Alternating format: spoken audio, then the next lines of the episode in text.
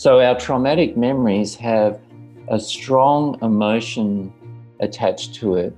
And what becomes clear is that we've never fully processed them because they've activated, you know, a part of our brain and our body. And I like to think of our brain as an embodied brain, it runs through our whole body. Is at the time it couldn't fully handle or process it. So it just put it in the storage shed out the back. Uh, what happened with me and what happens with, with other people that go through series of, of traumatic events is that they become stored up to a point where those memories still are very much alive, are, are operating in a way that makes it difficult to function normally. That was David Roland, and you're listening to episode 203 of the Building Psychological Strength podcast, where we uncover the information, tools, and techniques to turn our mind into our most valuable asset.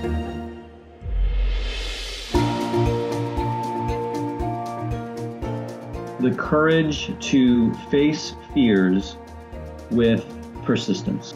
Being able to be present enough in this moment to choose my response thoughtfully. We have the strength to bend to life stressors, to bend to adversity without snapping, without breaking. There are only six things that contribute to our quality of life, and they are all experiences. In every moment, we are deciding who we want to be and how we want to live our lives.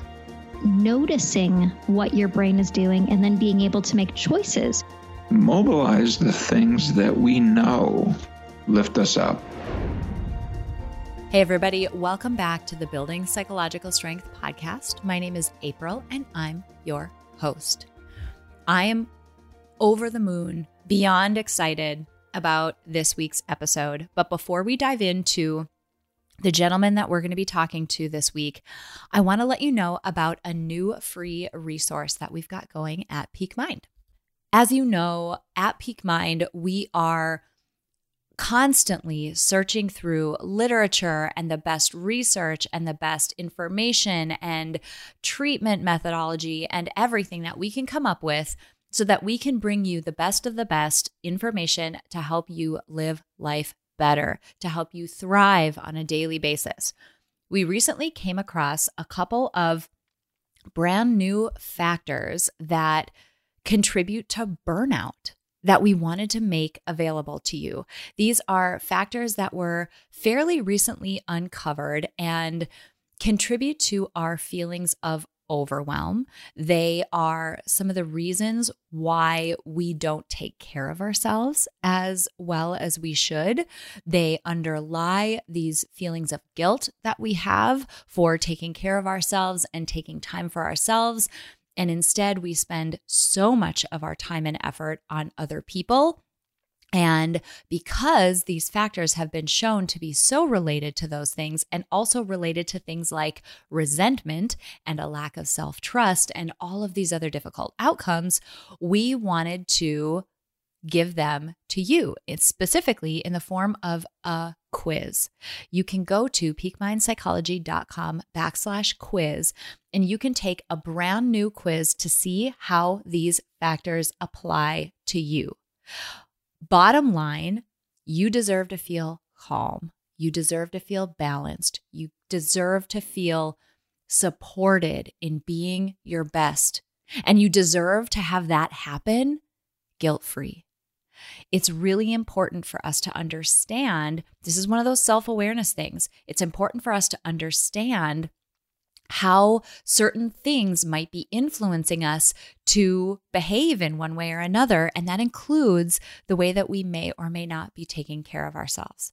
So if you're feeling stressed or overwhelmed or frazzled or burnt out, if you're feeling guilty about taking time for yourself, this quiz was specifically created for you. So head over to peakmindpsychology.com backslash quiz. You can take it absolutely free.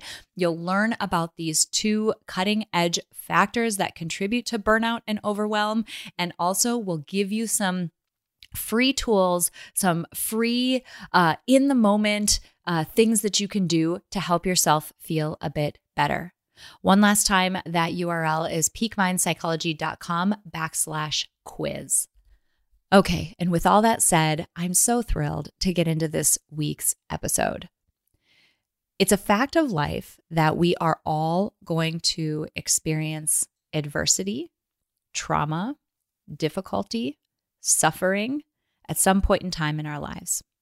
I've talked a lot about my own experience in losing my dad at such a young age, getting diagnosed with multiple sclerosis, and all the uncertainty that went around with that and the experiences I had after having my daughter and going through postpartum depression, anxiety, and ultimately PTSD.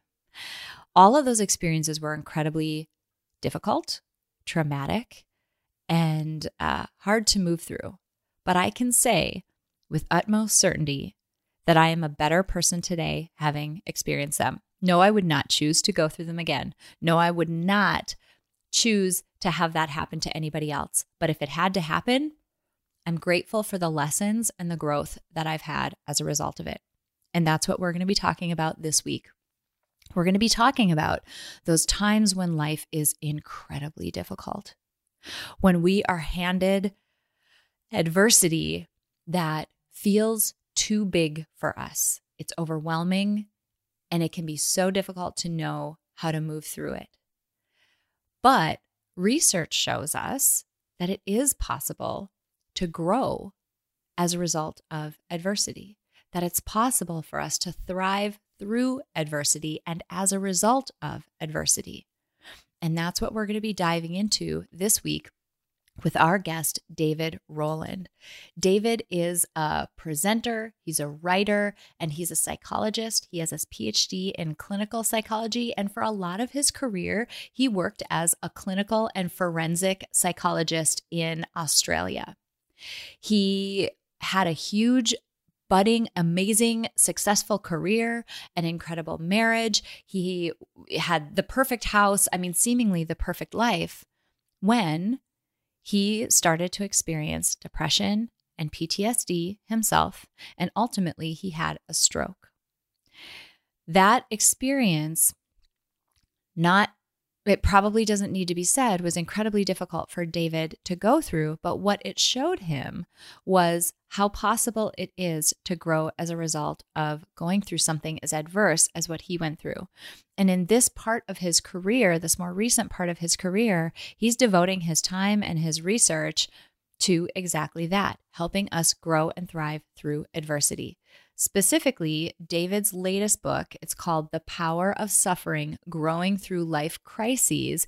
It draws together real life stories of 11 incredible people who survived their crises and grew in completely transformative ways. ways. David actually shares a couple of these stories on the podcast today as an example of some of the difficulty we can go through and the fact that it is possible for us to learn and grow as a result of it.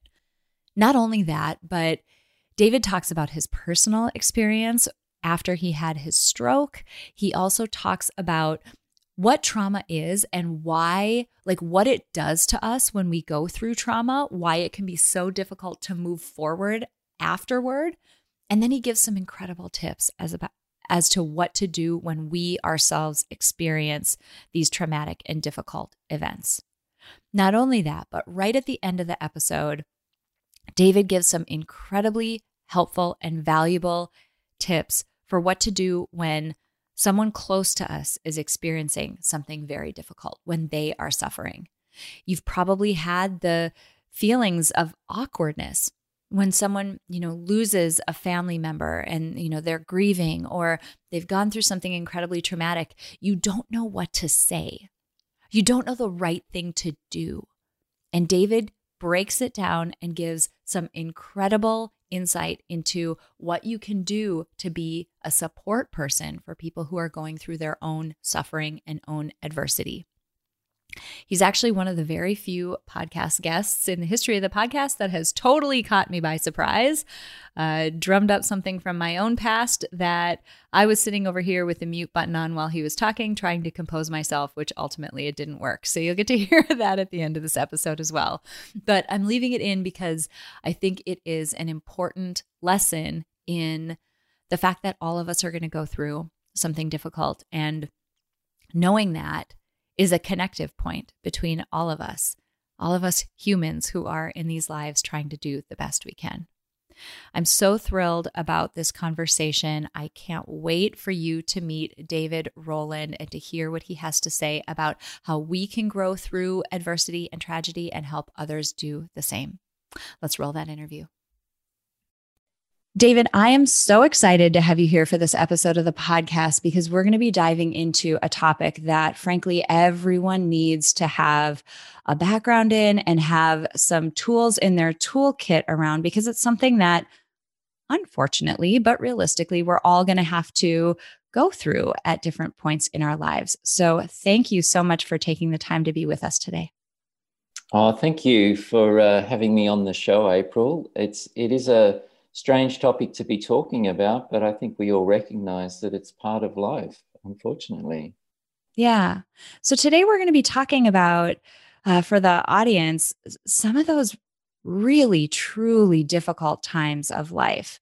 Those times when, I mean, it, it requires every ounce of coping skills and resilience that we possibly have, some of the most difficult times of life, um, health uh, crises, death of people that we love, um, other adversity in life that you know we don't love focusing on those aspects of life with which unfortunately because we don't focus on them very much, it leaves people in a position where they don't have the skills they need or as many skills as they could use when they do inevitably hit a time of real adversity. So, having someone like you on the show who has not only academic expertise in this area, but also personal experience in this area is really of value. I would love to start there, actually. Um, you've written a number of books, but one of your books in particular really dives into your personal experience. Uh, the book is called How I Rescued My Brain A Psychologist's Remarkable Recovery from Stroke and Trauma. Wow. You are not the type of person who's going to be pontificating about something that they've never experienced. Can you take us through that journey a little bit? Tell us a bit about the personal experience that you've had to really set up the the arc that we're going to be on in this episode. Yes, I'd I'd love to, and I think it's I think it's important because I really am speaking from life experience. You know, as another human being first before or any of this professional expertise. I, I, guess if I could paint a picture, you know, I was living in a very beautiful part of Australia on near the coast. Uh, my wife and I had moved from the big city to a, to this regional area. We'd had our first child, who was two. Then we had two more, so we had three daughters. Uh, they were all in junior school. The eldest, you know, getting ready to go into high school. I had a private practice that was thriving. People came from, you know, long long distances to see me because of my specialities. I was working as a clinical and forensic psychologist, so I had a strong reputation. I'd set up a uh, a clinic with a psychiatrist and another psychologist, and uh, you know what. And we were living in our dream home, and uh, financially we were very well off so we had the perfect life. Um, but then something happened and it was no longer perfect. And the first thing that happened was that I'd been working for more than 20 years by this stage in my psychologist career. And I started not wanting to go to work because, and I couldn't tell why that was. It's just that I just didn't have that oomph to get out of bed and do this work that I'd always loved and wanted to do.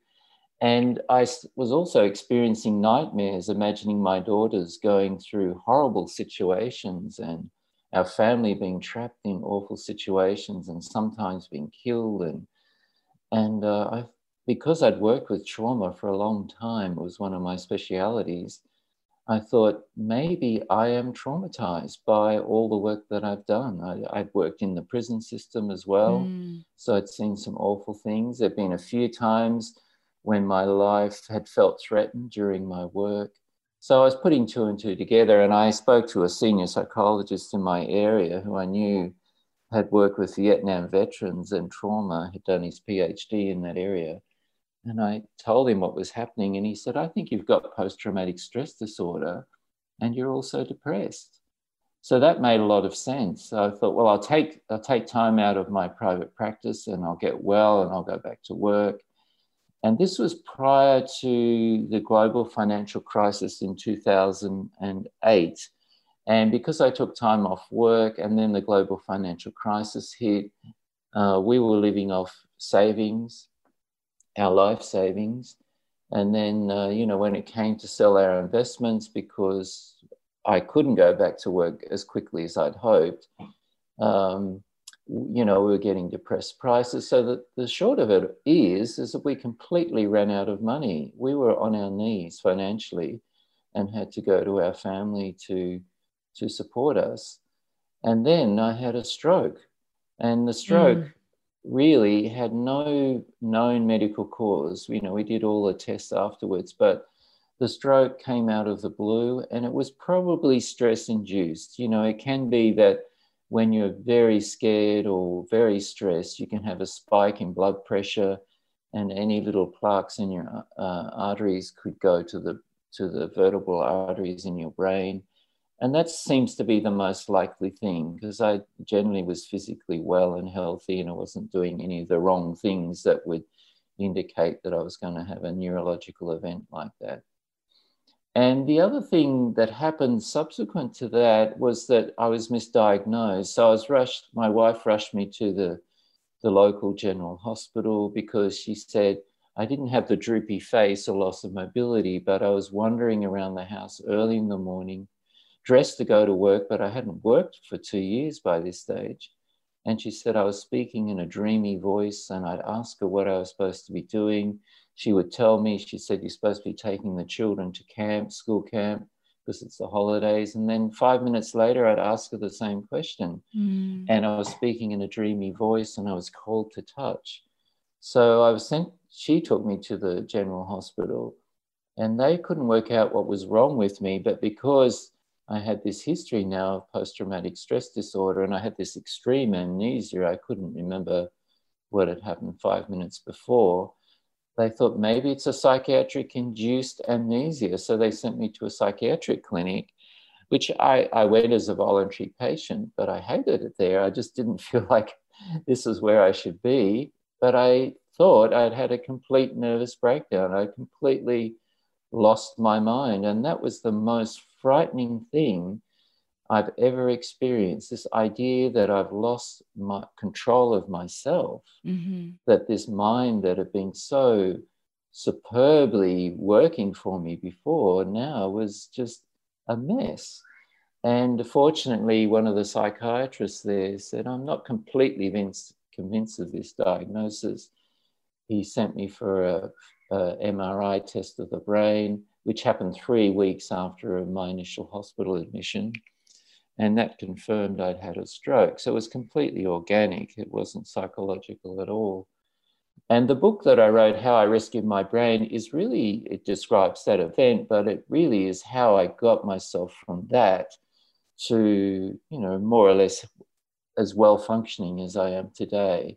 So I have don't have a lot of symptoms now from my stroke. The main one would be mental fatigue, so I can't concentrate for as long periods as I used to and my memory wouldn't be as sharp as it would have been without that stroke. But physically, I'm actually in much better shape. Emotionally, i am in much better shape. And really, the things that happened after I got well became the subject of, of my most recent book, which I'm sure we're going to dive into. Absolutely. There's there's something that I want to highlight that is potentially a missing uh, a piece that I don't want this audience to miss about your story that you've shared with us. You mentioned in the beginning that everything was going well, right? You had all of these things going for you. And out of the blue, seemingly came these really difficult events that you had to endure. And I bring that up because So many times it can be easy to delude ourselves into thinking that suffering or adversity is distant from us. It's something that happened to them. I notice this a lot. This audience is very familiar with me talking about losing my dad to cancer when I was young.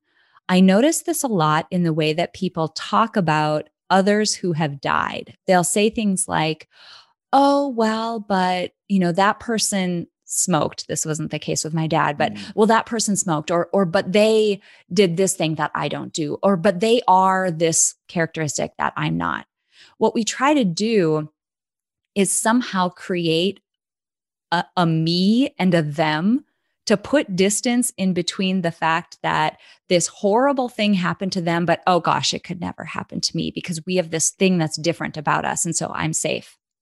And mm. I bring up this point about you and your experience beforehand because everyone is going to go through their share of truly difficult, truly tra- potentially traumatic, really hard situations. And I don't say this to be pessimistic or to make anyone panic or feel anxiety, but more to say, stick with us on this episode because what you're going to learn is important. And when you come to the moment when you are facing adversity, you're going to want these tools in your toolkit to help you through it because the time to learn them is well before you need them. So the time is pretty much now. We've got the expert on the line. So now is the time to learn them.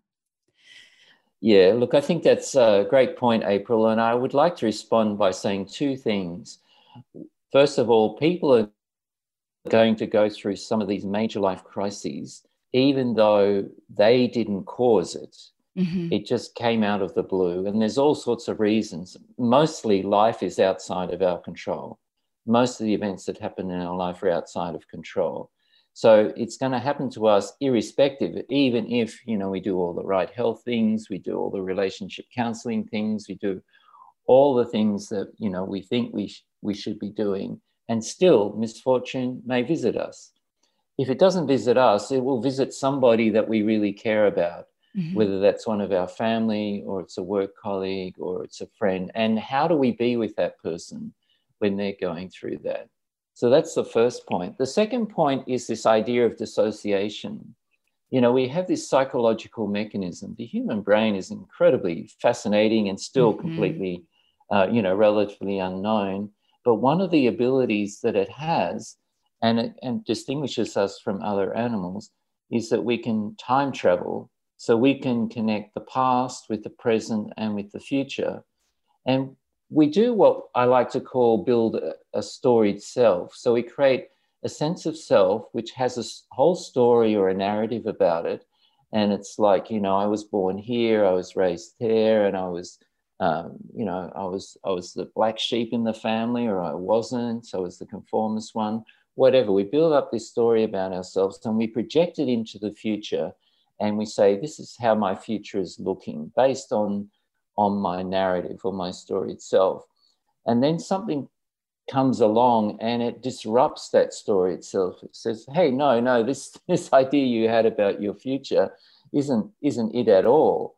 And so we have this ability to not only build the story itself, but dissociate or to put out of our mind the idea that suffering, intense suffering that we're talking about now, may visit us.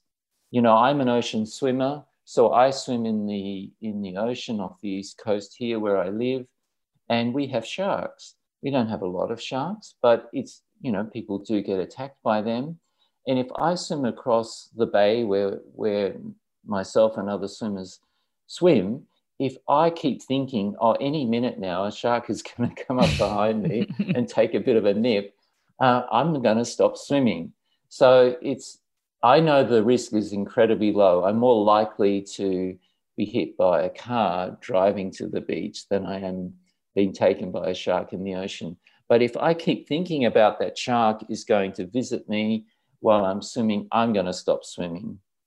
But I love swimming so much and it's so good for me. And I know the risk is really low. I just put out of my mind that that's going to happen to me.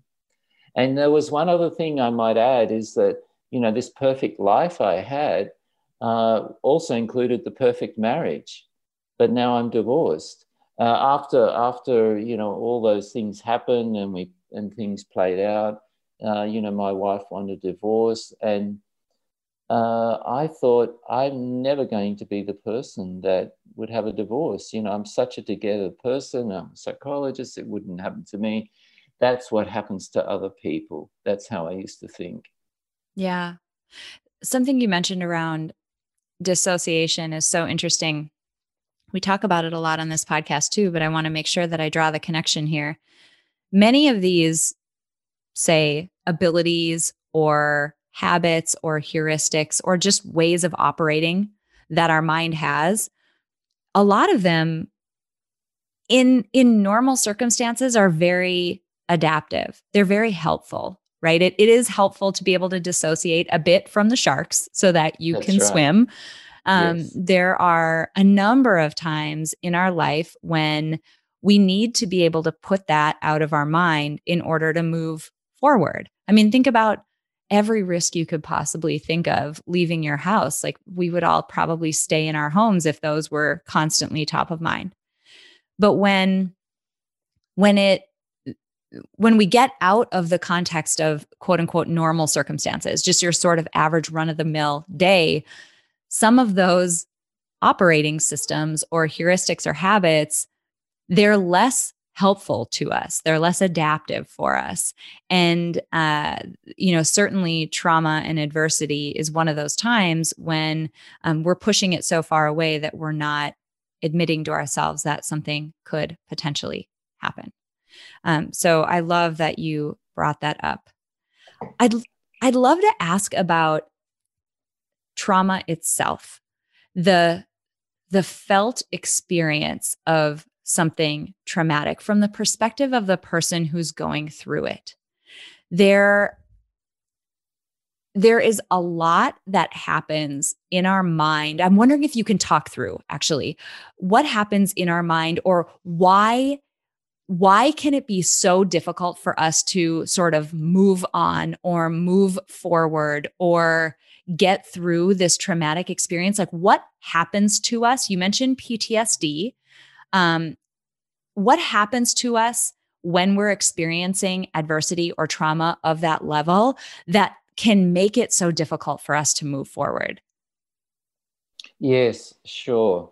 Uh, when I went to, to therapy, as I said, this is before my stroke, but after I had to close my practice because uh, the psychologist, whose name is Wayne, said, I think you've got PTSD.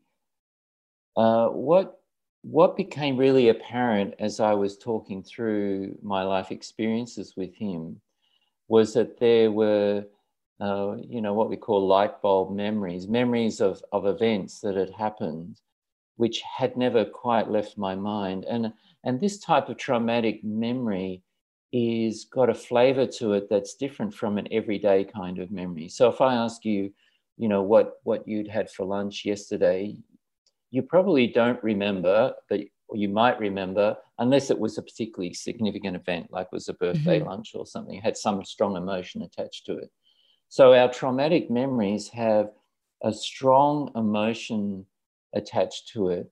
And what becomes clear is that we've never fully processed them because they've activated, you know, a part of our brain and our body. And I like to think of our brain as an embodied brain, it runs through our whole body, is at the time it couldn't fully handle or process it.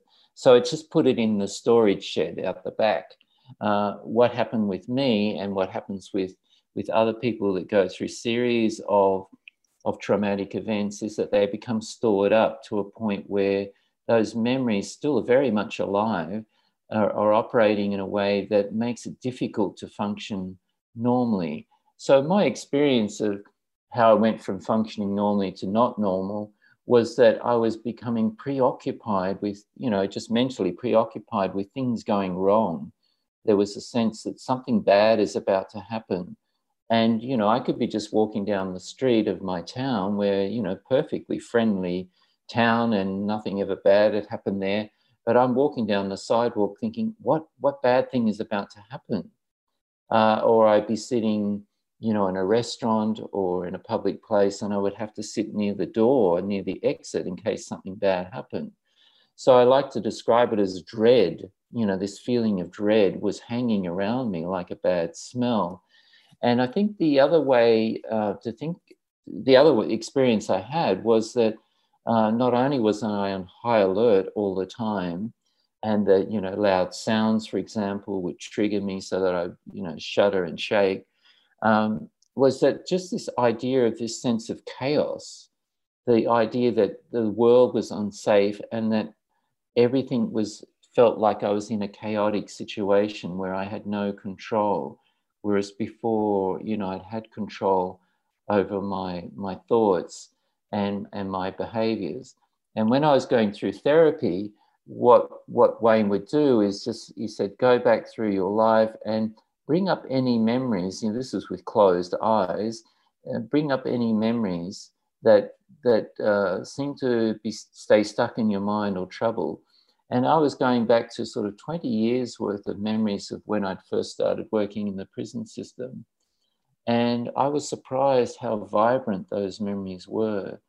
And so my brain had been unable to fully process those memories or those events at the time, like it would an everyday event. And so he used a therapeutic technique that helps take the emotional sting out of those memories so that now those memories are mostly just memories. You know, they're things that don't bother me like they used to. That is really, really helpful. It's a helpful description. Something I've talked with people about a bit, and again, something else that I've shared on the podcast quite openly is um, the experience that I had after my children were born. I experienced severe postpartum depression and anxiety after my first daughter. But then when my second daughter was born, I realized it's it's shocking to say, but I realized that I had essentially PTSD symptoms happening as a result of feeling like I was being taken back to that. I was not experiencing postpartum depression or anxiety at the time, but it smelled of it. The mm. context around it was so much about evoking the experience that I had with my first daughter that I couldn't believe how surprising and sudden that experience was. And something that is interesting about both what happened with me and what happened with you is it's not like any one of those experiences was one major traumatic event, right? Like it wasn't mm-hmm. that I was held up at gunpoint and thought I was, you know, going to lose my life. It wasn't one major traumatic event. And the way I've thought of, you know, explained it to people, I'd love your reaction to this, is almost taking a legal perspective. When um, in the US, when we talk about things like sexual harassment, we talk about it needing to be severe and or pervasive meaning it can be one big severe event or mm-hmm. it can be more low grade but pervasive happening mm. often or mm-hmm. frequently over time i'd love your reaction to that explanation because i've been using it just mm-hmm. in full disclosure but i'd love your reaction to it so what exactly are you asking me april i'm not quite sure yeah just the idea that we can experience these ptsd type symptoms or experience trauma in a couple of ways that it can be either mm. one very severe event or it can sort of build over time after we experience multiple, I guess, less severe events, but still um, they they're still enough to register to us. Yes, I've got you now. Yep, yep. Well, I think uh, you know one of the things I used to do. Uh, when I was living in Sydney was I would consult for, for a company that would do critical incident stress debriefings. And that, that was, you know, that model where, where somebody's had maybe a hold up at work or there's been um, suicide or, um, you know, a motor vehicle accident and the, in the workplace and, and someone like me is called in to to debrief and provide any follow up counseling uh, with those people that were directly or indirectly affected. And that would be like a single event where somebody's not expecting that to happen. And most often, you know, people are going to recover from those single events. Uh, PTSD is, actually, you know, quite a small amount of those people, uh, uh, incidents of those people in terms of recovery. They'll initially have a lot of post traumatic stress symptoms, but they'll dissipate over time. And one part of the critical stress debriefing is just normalizing people's symptoms when an event like that happens. I think what you're also pointing to is where, and it could be in a workplace or it could be a life situation where you're getting those repetitive, but as you say, low grade types of events happening, which build up over time. And a good example of that would be paramedics or even uh, service men or women, you know, in, in a war setting, where what's different about them is they're actually trained to expect these types of things to happen. So when these events happen, events that you or I might find traumatic because we're not we're not trained to be in a war zone or to be a paramedic, um, we we might be you know completely knocked over by it, but they're trained to do to do that. So and they're expecting that to happen. And that's a really important difference. What's happening for them though is that these events in the workplace start to accumulate and over time build you know this internal monster and that's really what i had experienced through my work because empathy as we know is a very you know is a valuable human uh, skill and ability to have to be able to put ourselves in somebody else's shoes and somebody working in a service position like myself or yourself we want to have empathy but the empathy can hurt because when we're being empathic to somebody else's distress, as a paramedic might be, they're, they're feeling physiologically, they're feeling some of the experience of the person that they're helping. So they're creating internal distress in themselves. And that's why paramedics, for example, need ways of, of uh, self soothing and you know understanding their experiences and processing their experiences. So they're not getting a build-up of this trauma related physiological response each time they turn up for work. So i'm not sure now how we're going with the answer to your question it's super helpful it's actually a great segue because i would love to talk a bit about helping people think about how they can move through these experiences when it happens to them. You mentioned your book, The Power of Suffering Growing Through Life Crises. I know there's a number of stories in that book that talk about people who have gone through incredibly difficult experiences and have managed to grow from it, learn from mm. it. Um, that feels so impossible when we think mm. about some of the most difficult things we've gone through. Can you take us through um, even if maybe even like a story from the book or take us through an example of that and how do we do that yes yes well look there's there's some very strong stories in in the book and i i was interested in looking at a range of stories uh, and, and different types of traumas if we can call them traumas and this paradox that when life dishes out some life shattering event, which you then survive, how can it possibly turn into something that has silver linings or more than that, you know, a growth aspect so that we change in ways that we actually really like, that we don't want to lose the way that we've changed or the person that we've become, even though we wouldn't choose to go through that event again necessarily. Although some people say, you know, I had a, an accident, I uh, became a paraplegic, and it was the best thing that ever happened to me because of the life lessons that I've gained.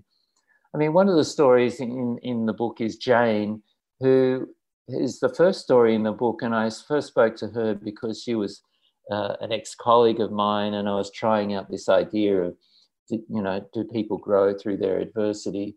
And her daughter, Georgia, was 18, had just finished her final year exams at high school and, you know, had this wonderful life ahead of her, incredibly bright, lovely personality.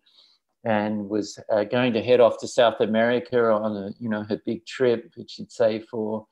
Uh, but she started to complain of pain.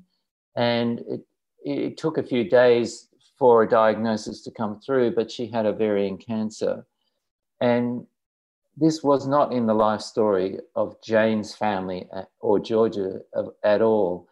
And they, it was a type of cancer that was, you know, very fast acting and had a very low success rate in terms of treatment. But they embarked on treatment anyway.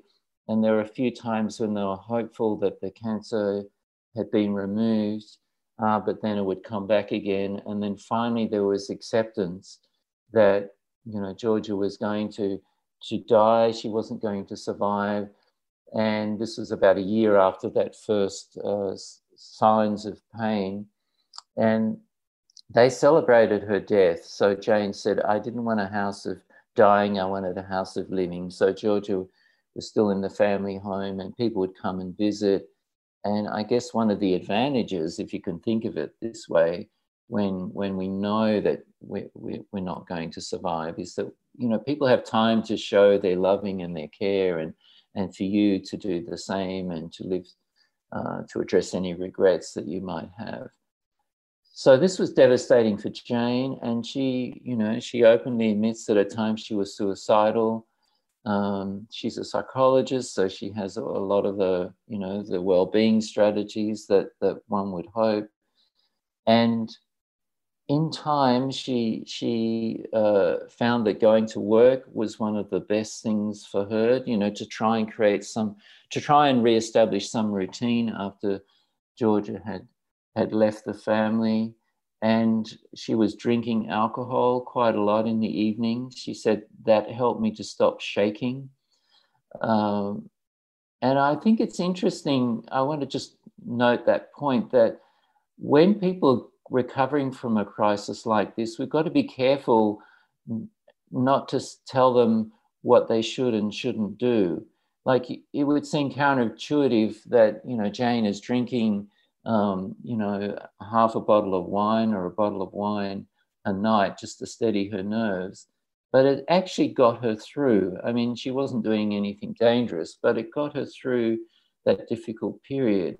The other thing that that she was doing was telling her story a lot. So there were other friends who would come to her or that she would connect with who had also been through life upending experiences. And you will find that those people who've been through such experiences automatically intuit what you're experiencing, even if it's not the same experience that you've had.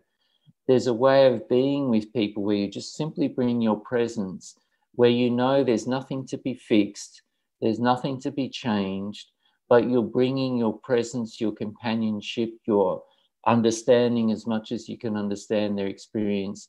And you're offering like a blackboard or a whiteboard so that they can tell their stories and put their stories on your whiteboard because that's helping them to understand what's happened.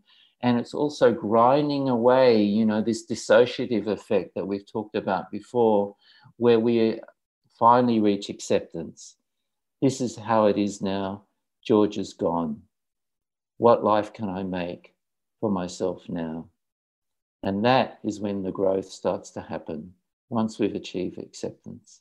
We've talked about acceptance a few times on the podcast, and it's such a tough concept for people to wrap their minds around because you hear the word acceptance and you think it means appreciation or you agree with what happened or you're glad about it. And that isn't it. It's just getting to a point where you can acknowledge what happened without wrestling with it mentally so much that you can be at a place where you could acknowledge the facts of something that happened, whether you like them or not, whether you would prefer it to be different or not, acknowledging that. And that feels like, if I'm getting this right, you're saying that's that first step that needs to happen before true growth can happen after a really difficult situation.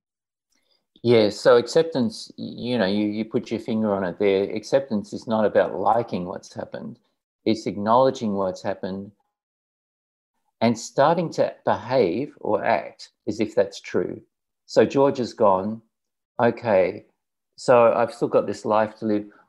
How, how can I make, you know, this the most meaningful life? What am I going to do knowing that she's gone? And and that accept that you might start behaving as if, okay, Georgia's gone, but still there'll be times where you think, oh, maybe she isn't. So this this acceptance, you know, can have a long tail.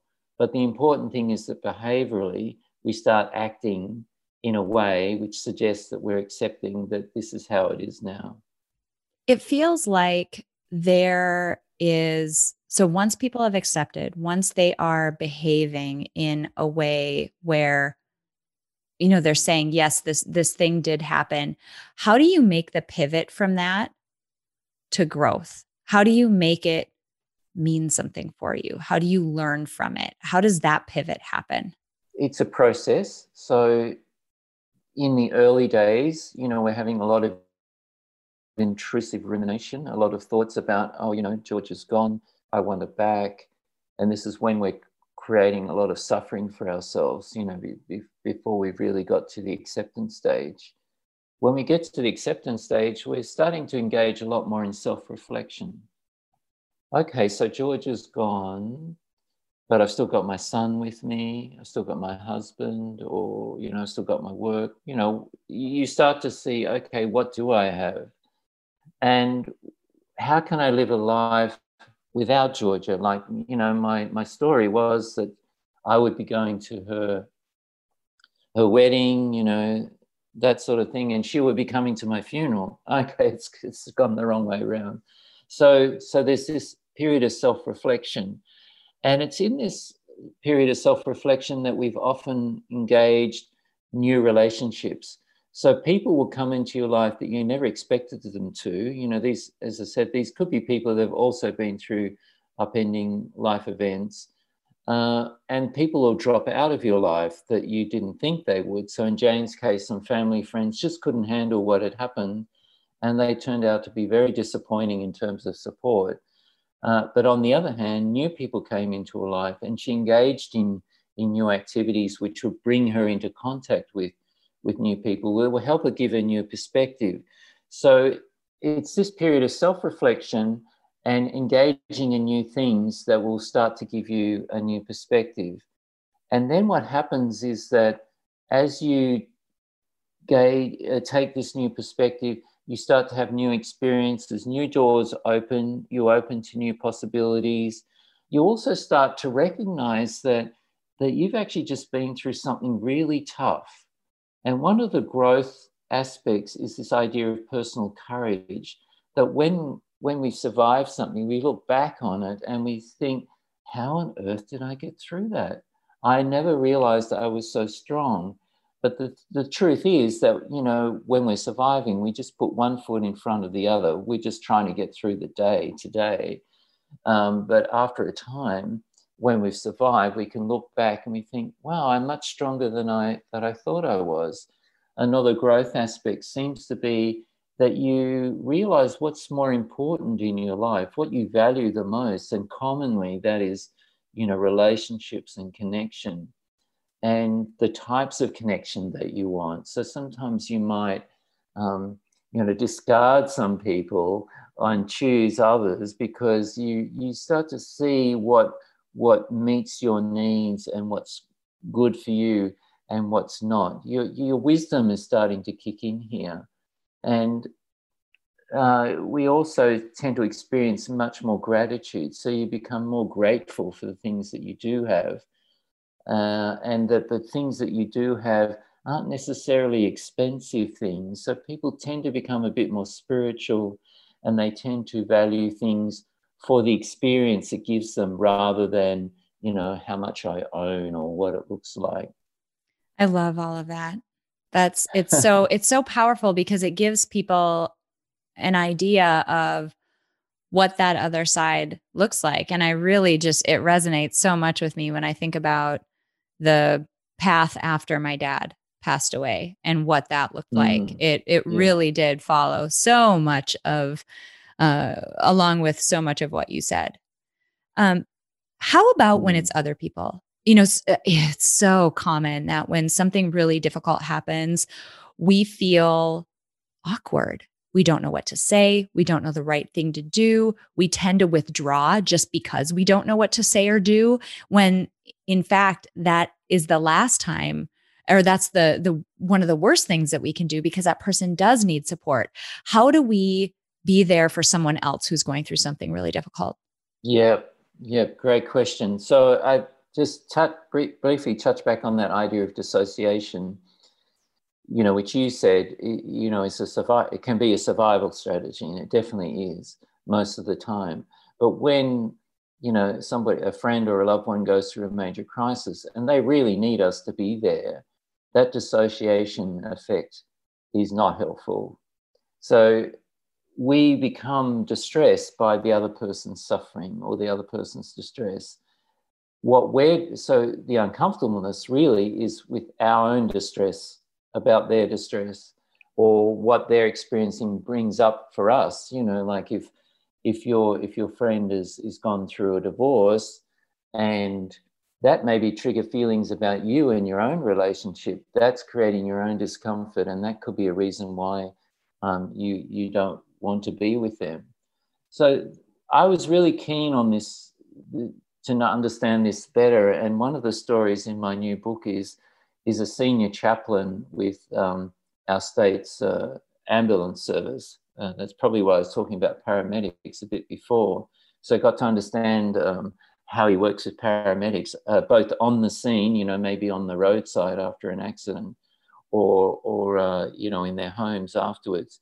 And I was really interested. What does a chaplain bring to a, a, life crisis?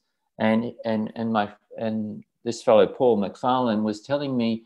He said we can go into the home of of uh, a family where a child has died and uh, sit with them in the in the lounge room um, you know have a cup of tea with them and there may not be very much conversation at all but after we leave and he's talking about the chaplains after we leave they thank us. They say thank you for all you've done and he said you know you think what did i do?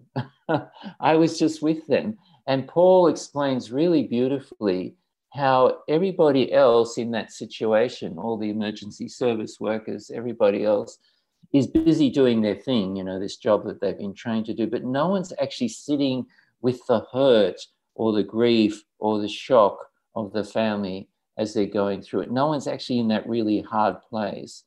And what Paul also says is that we don't need to fix it. So when we're somebody else is going through a crisis, of course, we want to keep them safe, provide for any practical needs they've got. But it's not a situation we can fix, certainly not in the beginning. So we don't have to feel any responsibility to say the right thing or do the right thing that would lead to some better outcome. Because, because in that mm. moment, in those early days, there is no better outcome. There's nothing to be fixed, there's nothing to be changed other than, you know, as I say, to, to, to address any practical needs of our, our friend or our, our loved one. And so, what it comes down to is we actually don't have to say very much at all. Uh, we don't have to, and, and, and I say this strongly now. I'm now I'm less concerned myself when I'm with somebody who's in distress about saying the right thing. I think first of all, I just need to be there and I can say, I don't know what to say. This is terrible. This is beyond my experience. I don't know what to say. Um, you could ask something. You say, you know, is there anything you would like me to do? Um, but we, we just don't want to presume we know what's best for them, and we don't want to trot out cliches. You know, like there's some awful cliches, like you know, somebody's lost a child, and they'll say, "Oh, well, you can have another one." You know, there's, there's these cliches, they actually really hurt. So don't trot out those cliches. Um, so I'm not sure how we're we going with that answer. That's so helpful. It's funny. I'm sitting over here trying to compose myself because, you know, you mentioned the the chaplain uh, person in your book, and I hadn't thought about this for oh gosh, decades mm. probably. But one of them, like one of the most helpful figures when my dad was sick especially and and when he died but when he was Mm. sick was the police department chaplain. His name, I'm going to tear up, but his name was Walt Yeah. Schott. And he was so sweet. He did exactly what you said. He came and sat with us. Um, so I, I can't believe I've never put two and two together that that's exactly what you do. You do what Walt did. Mm, You sit Mm. with people. mm. That's so good. Oh, so good. Okay, so while I compose myself over here, it's not Mm. often that a guest can get me to tear up. Usually I've thought through and talked through and Mm. whatever, everything. So, um, well, if, if, if you don't mind me saying, I think what what your emotional reaction speaks to right now, April, is how how impactful it is simply to be with somebody, just to be with them. mhm. so, so incredibly valuable that somebody wasn't afraid and they were just there. Mm, It felt like a steady point in mm, a situation when everything felt like it was moving around us. It was so Yeah. helpful. mm. Um, with all of your background and all of your expe- expertise and your experience, I would love for you to talk about what psychological strength means to you. I think of psychological strength and and I, I relate it to myself. And that is, first of all, we need to have, or I need to have, uh, an awareness of what I like to call my internal weather. So, my internal weather is my thoughts and my feelings and my physical sensations. That's the data on which I draw upon. So, as I go about in the world, being aware of my internal weather tells me, gives me the information I need to, to make uh, you know, good decisions.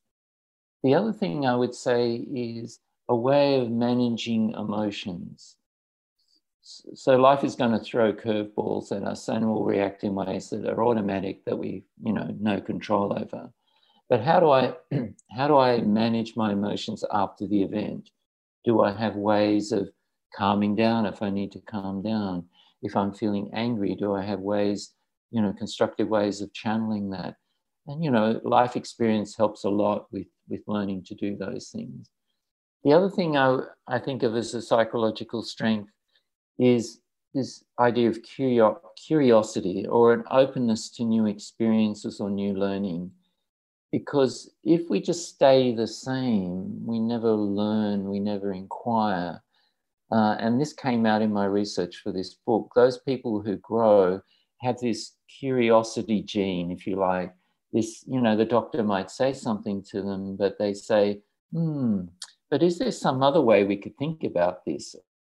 Or is there, can I learn more about this? Or how can I find out more about that? Or who else could I talk to? So, this curiosity gene, openness to new learning.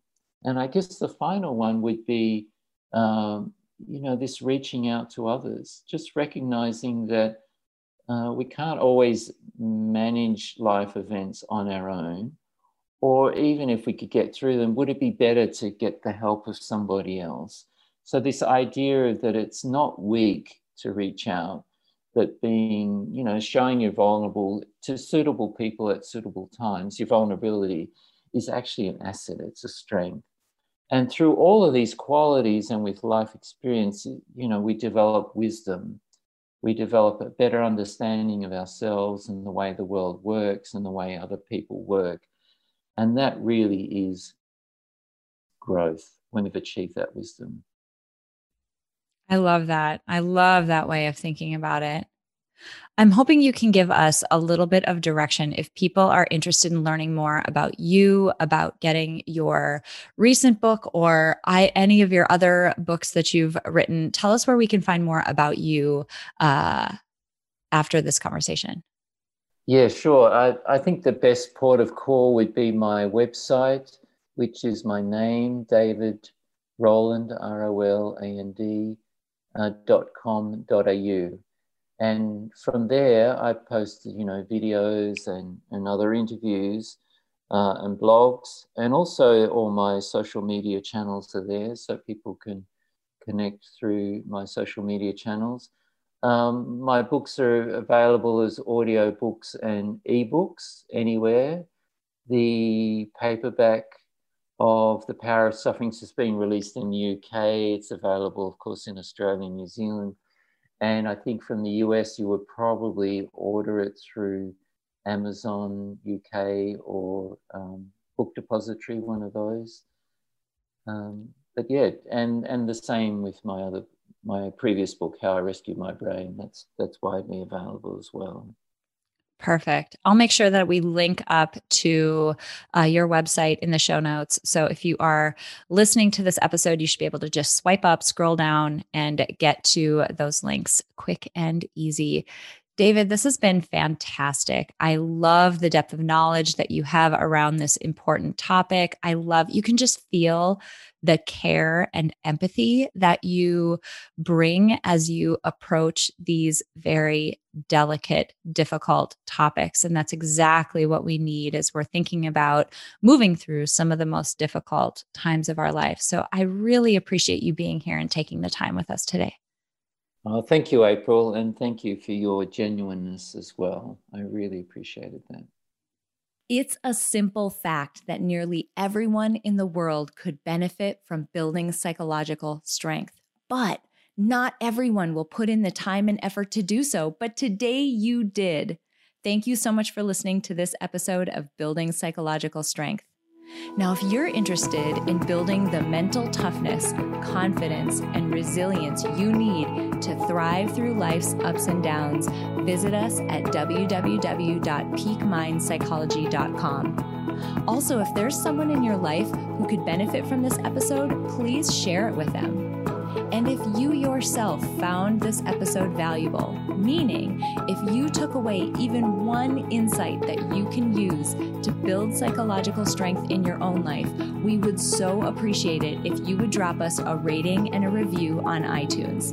The thing is, the more ratings and reviews we have, the easier it is to get this powerful and important content out to the people who need to hear it.